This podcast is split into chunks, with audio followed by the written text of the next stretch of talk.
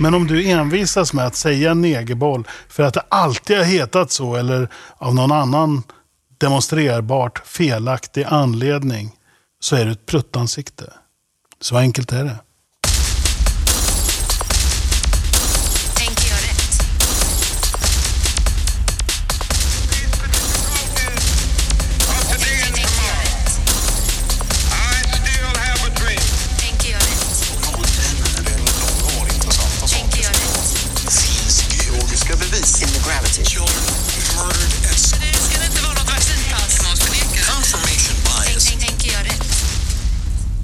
Hej kära lyssnare och välkommen till Tänker jag rätt-podden.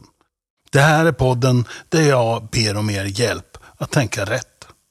Jag funderar över något, gör ett poddavsnitt och sen, sen sitter jag bara och är väldigt tacksam över dina kommentarer där du pekar på varför jag har rätt eller varför jag har fel.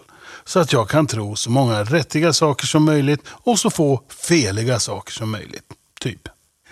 Dina kommentarer lämnar du bäst och säkrast på Youtube-kanalen där det här avsnittet också finns. Vi har kommit fram till avsnitt 9 och idag ska vi prata om den svenska chokladbollen som när jag växte upp kallades negerboll. Till och med när en kompis till min syster, My, alltså inte min syster My utan kompisen hette My, eh, hon tålde inte kakao och gjorde havrebollar utan kakao. Då kallar vi dem för vita negerbollar. Som om det latinska ordet nigreos, eh, vilket ordet neger stammar från, inte längre betyder svart i Sverige. Som om ordet negerbollar i sig bara betydde att det var en havreboll. Och att de, de kunde ha vilken färg som helst. I saluhallen i Göteborg såldes det havrebollar i olika färger och smaker. Pistagebollar minns jag att jag provade. Vi hade nog på 70-talet kallat dem för gröna negerbollar. Jag var väl runt fem år då, så mina referensramar var aningen begränsade kan man väl säga. Och jag, ja, jag reflekterar väl inte så mycket över det här. Va? Jag ville nog mest bara äta havrebollar. Idag tänker jag att det är lite märkligt. Men då så var det vad alla sa. Jag tänkte aldrig där och då, i mitten av 70-talet och lite senare, att det var något märkligt med det. Det var i och för sig en gång en vresig gammal kvinna som kallade dem för svartingar. Chokladbollarna alltså. Jag tyckte det var obehagligt för det, det kändes då på något sätt som om det mer handlade om människor. Jag hade hört henne säga liknande saker om människor med utländsk härkomst. I en vresig ton. Jag har ju lite utländskt ursprung. Jag har för mig att jag räknas som andra generations invandrare i statistiken. Trots att jag aldrig vandrade hit. Jag flög ut med en jädra fart ur min mors underliv där i Upplands Väsby för länge sedan. Det kanske var därför det kändes extra obehagligt. Arga tanten som sa svarting alltså. Det minnet gjorde sig påmint senare i livet och successivt byttes ordet negerbollar ut mot chokladbollar. En tid i tonåren då jag ogärna ägnade mig åt bak, eh, men gärna åt, så byttes ordet helt ut mot eh, delikatoboll. delicatoboll. Det var det enda chokladbollarna jag åt. Fan, kan man göra en Percy Nilegård där?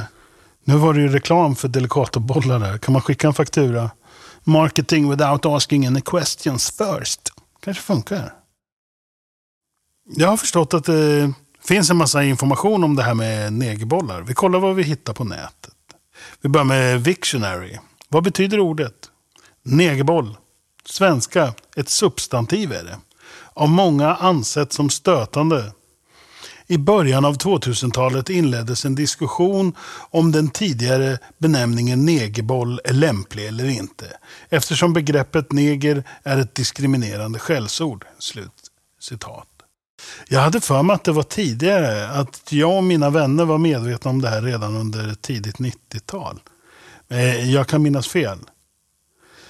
Jag tänker att de flesta bara lever sina liv och i någon mån klarar sig ganska bra. Trots att det nu säger chokladboll istället för det förr i världen brukliga negerboll.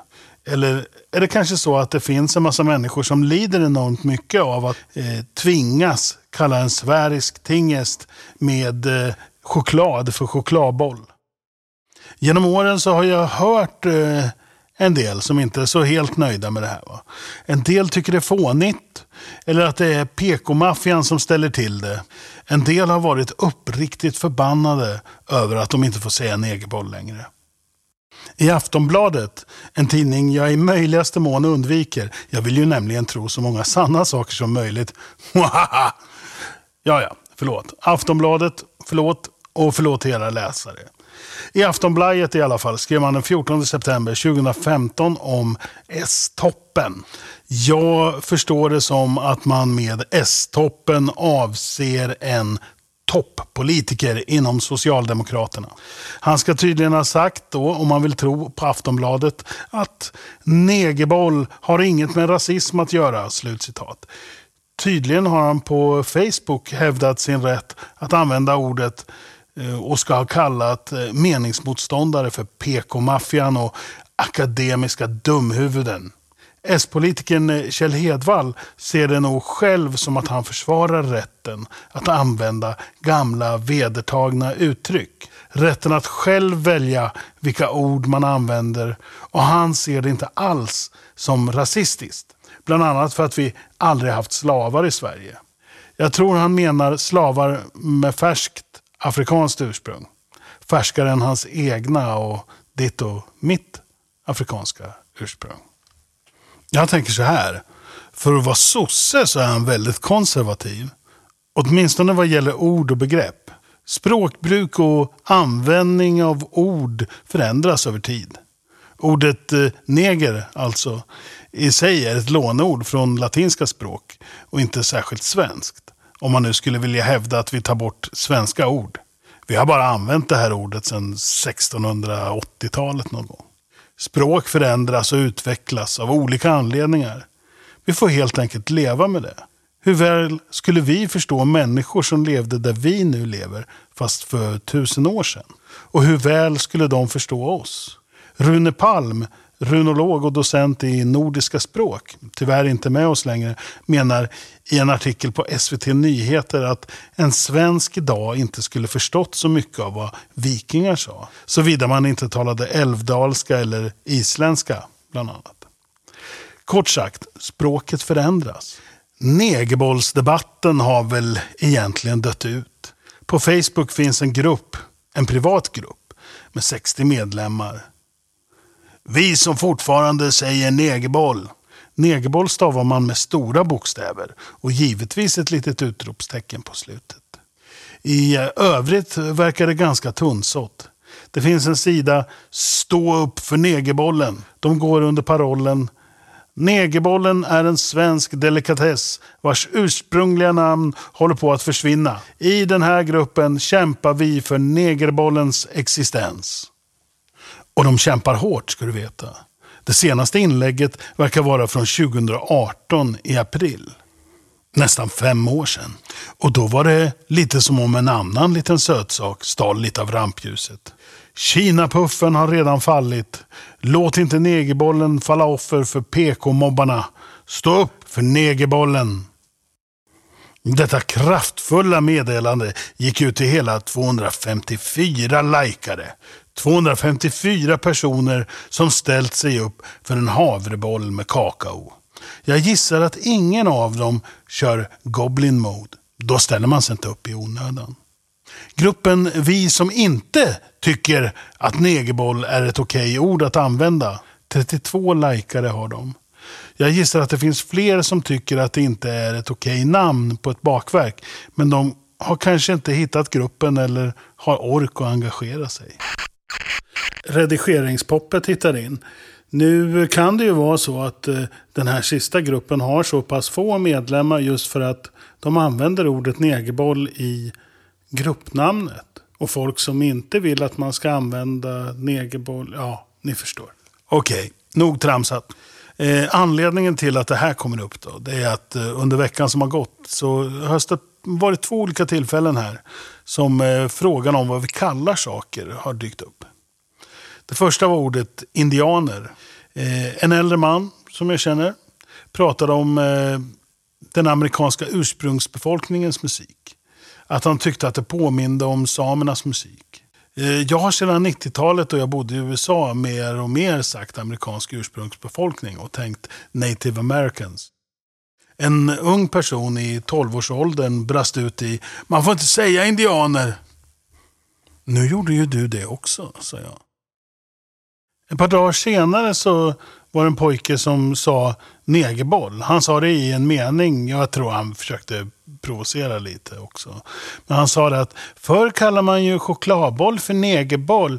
Eh, och det får man inte säga längre. Det jag började fundera på då var uttrycket man får inte. Det väckte ett minne till liv. För några år sedan så arbetade jag på en högstadieskola och hade musik. Klassen var etniskt varierad, många hade rötter på andra platser än Sverige. Och Det här brukar kännas som en riktigt bra tillgång när vi arbetar med folkmusik. Den här dagen pratade vi om hiphopens historia. Något helt annat, en helt annan typ av folkmusik. Eh, och hade hamnat på gangsterrap. I förbifarten pratade vi om hur textinnehållet ändrades med gangsterrappens intåg. Några olika grupper nämndes, däribland NWA. Vi hade ett bra flow i klassrummet och flera elever visade på goda resonemang kring musikens utveckling och koppling till samhället. Vad står NWA för? frågade en elev med uppenbart afrikanskt ursprung. Jag, taggad av lektionens flow och min vilja att bidra till elevernas kunskapsutveckling, tänkte säga det står för Niggas with Attitude, vilket var ett mycket kontroversiellt och provocerande bandnamn redan då. Människor på alla sidor i den amerikanska segregationen provocerades av det här namnet. Det var en avgörande del i hur textinnehållet utvecklades i rapmusiken vidare under 90-talet. Kanske man skulle kunna säga att det var där gangsterrappen föddes. Eller åtminstone att det hade betydelse för gangsterrappens utveckling. Det var vad jag hade tänkt att jag skulle säga. Ungefär. De orden som kom ur min mun var, det står för niggas with attitude. Och det var ett avbröts av ett utfall. En arm sträcktes mot mig. Ett finger pekades mot mig. Två arga, tårfyllda ögon riktades mot mig. Du får inte säga det ordet! Det var eleven med det uppenbara afrikanska ursprunget. Hon upprepade orden. Du får inte säga det ordet. Den här gången med betoning på ordet du. Jag blev ställd. Ingen hade sagt åt mig vilka ord jag inte fick använda sedan jag var mycket liten. Den obstinate i mig.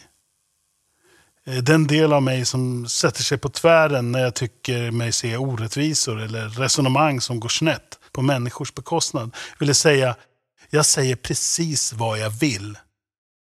Men jag försökte hålla tillbaka den rösten. Istället sa jag något i stil med, jo det får jag visst. Jag menar givetvis att vi inte har en lista med ord i Sverige vilka censurerats ur allt dagligt tal. Lite senare, efter ytterligare armviftande och fingerpekande, sa jag något i stil med Men snälla du, du frågade vad förkortningen stod för. Jag är din lärare och jag kommer att berätta för dig. Jag hade kunnat säga åt dig att googla fram svaret. Du hade hittat samma ord. Det får inte bara sägas, det får skrivas också. Vi berättar om musikens historia med de ord som användes av artisterna själva. Du får inte säga det ordet, med en fas på du. Det finns en idé där ute, att för att jag är, eh, vi kan kalla det pigmentalt utmanad. I alla fall idén där ute att vita människor på något sätt bär på en skuld gentemot färgade människor på grund av triangelhandeln. Triangelhandeln var när afrikaner, främst afrikaner, kidnappade varann och sålde de kidnappade som slavar till europeer som i sin tur underblåste krig och konflikter i främst Västafrika eh, genom att betala för krigsfångar. Slavar. Européerna förde dem till Nord och Sydamerika och allt däremellan. Och sen fraktade de bland annat bomull och tobak därifrån till Europa. Sen åkte skeppen åter till Afrika som en triangel, hämtade nya slavar och så vidare. Jag är en vit blekfis med en eh, mamma från Sverige och en pappa från Serbien. Som var en del av Jugoslavien på 60-talet när han träffade min mamma och flyttade hit. Jag har aldrig ägt en slav. Mina föräldrar har så vitt jag vet aldrig ägt en slav. Eh, mina förfäder i en överskådlig dåtid har mig veterligen inte heller ägt några eller handlat med några slavar från den afrikanska kontinenten. Det närmaste jag kommer ordet slav är att jag har slaviskt påbrå på fädernet. Men även om mina förfäder hade ägt eller handlat med slavar så är det inget jag kan skuldbeläggas med. Lika lite som västafrikaner kan beläggas med skuld för att deras förfäder eventuellt kidnappade sina fiender och sålde dem till slavhandlare. Europeiska slavhandlare. Hela tanken med någon slags skuld ur hudfärg. Hela den idén liknar mest den bibliska idén om arvsynd. Eh, som jag tänker har förgiftat vår kultur och rubbat vår moraliska kompass. Nu har du sagt en ordet boll så många gånger att jag tappat räkningen, tänker kanske du nu. Hur är det? Vad tänker jag om allt det här? Och tänker jag rätt? Så här tänker jag. Alla får säga negerboll. Det finns, tack och lov, inget förbud mot att använda vissa ord. Men användandet kommer med ett socialt pris.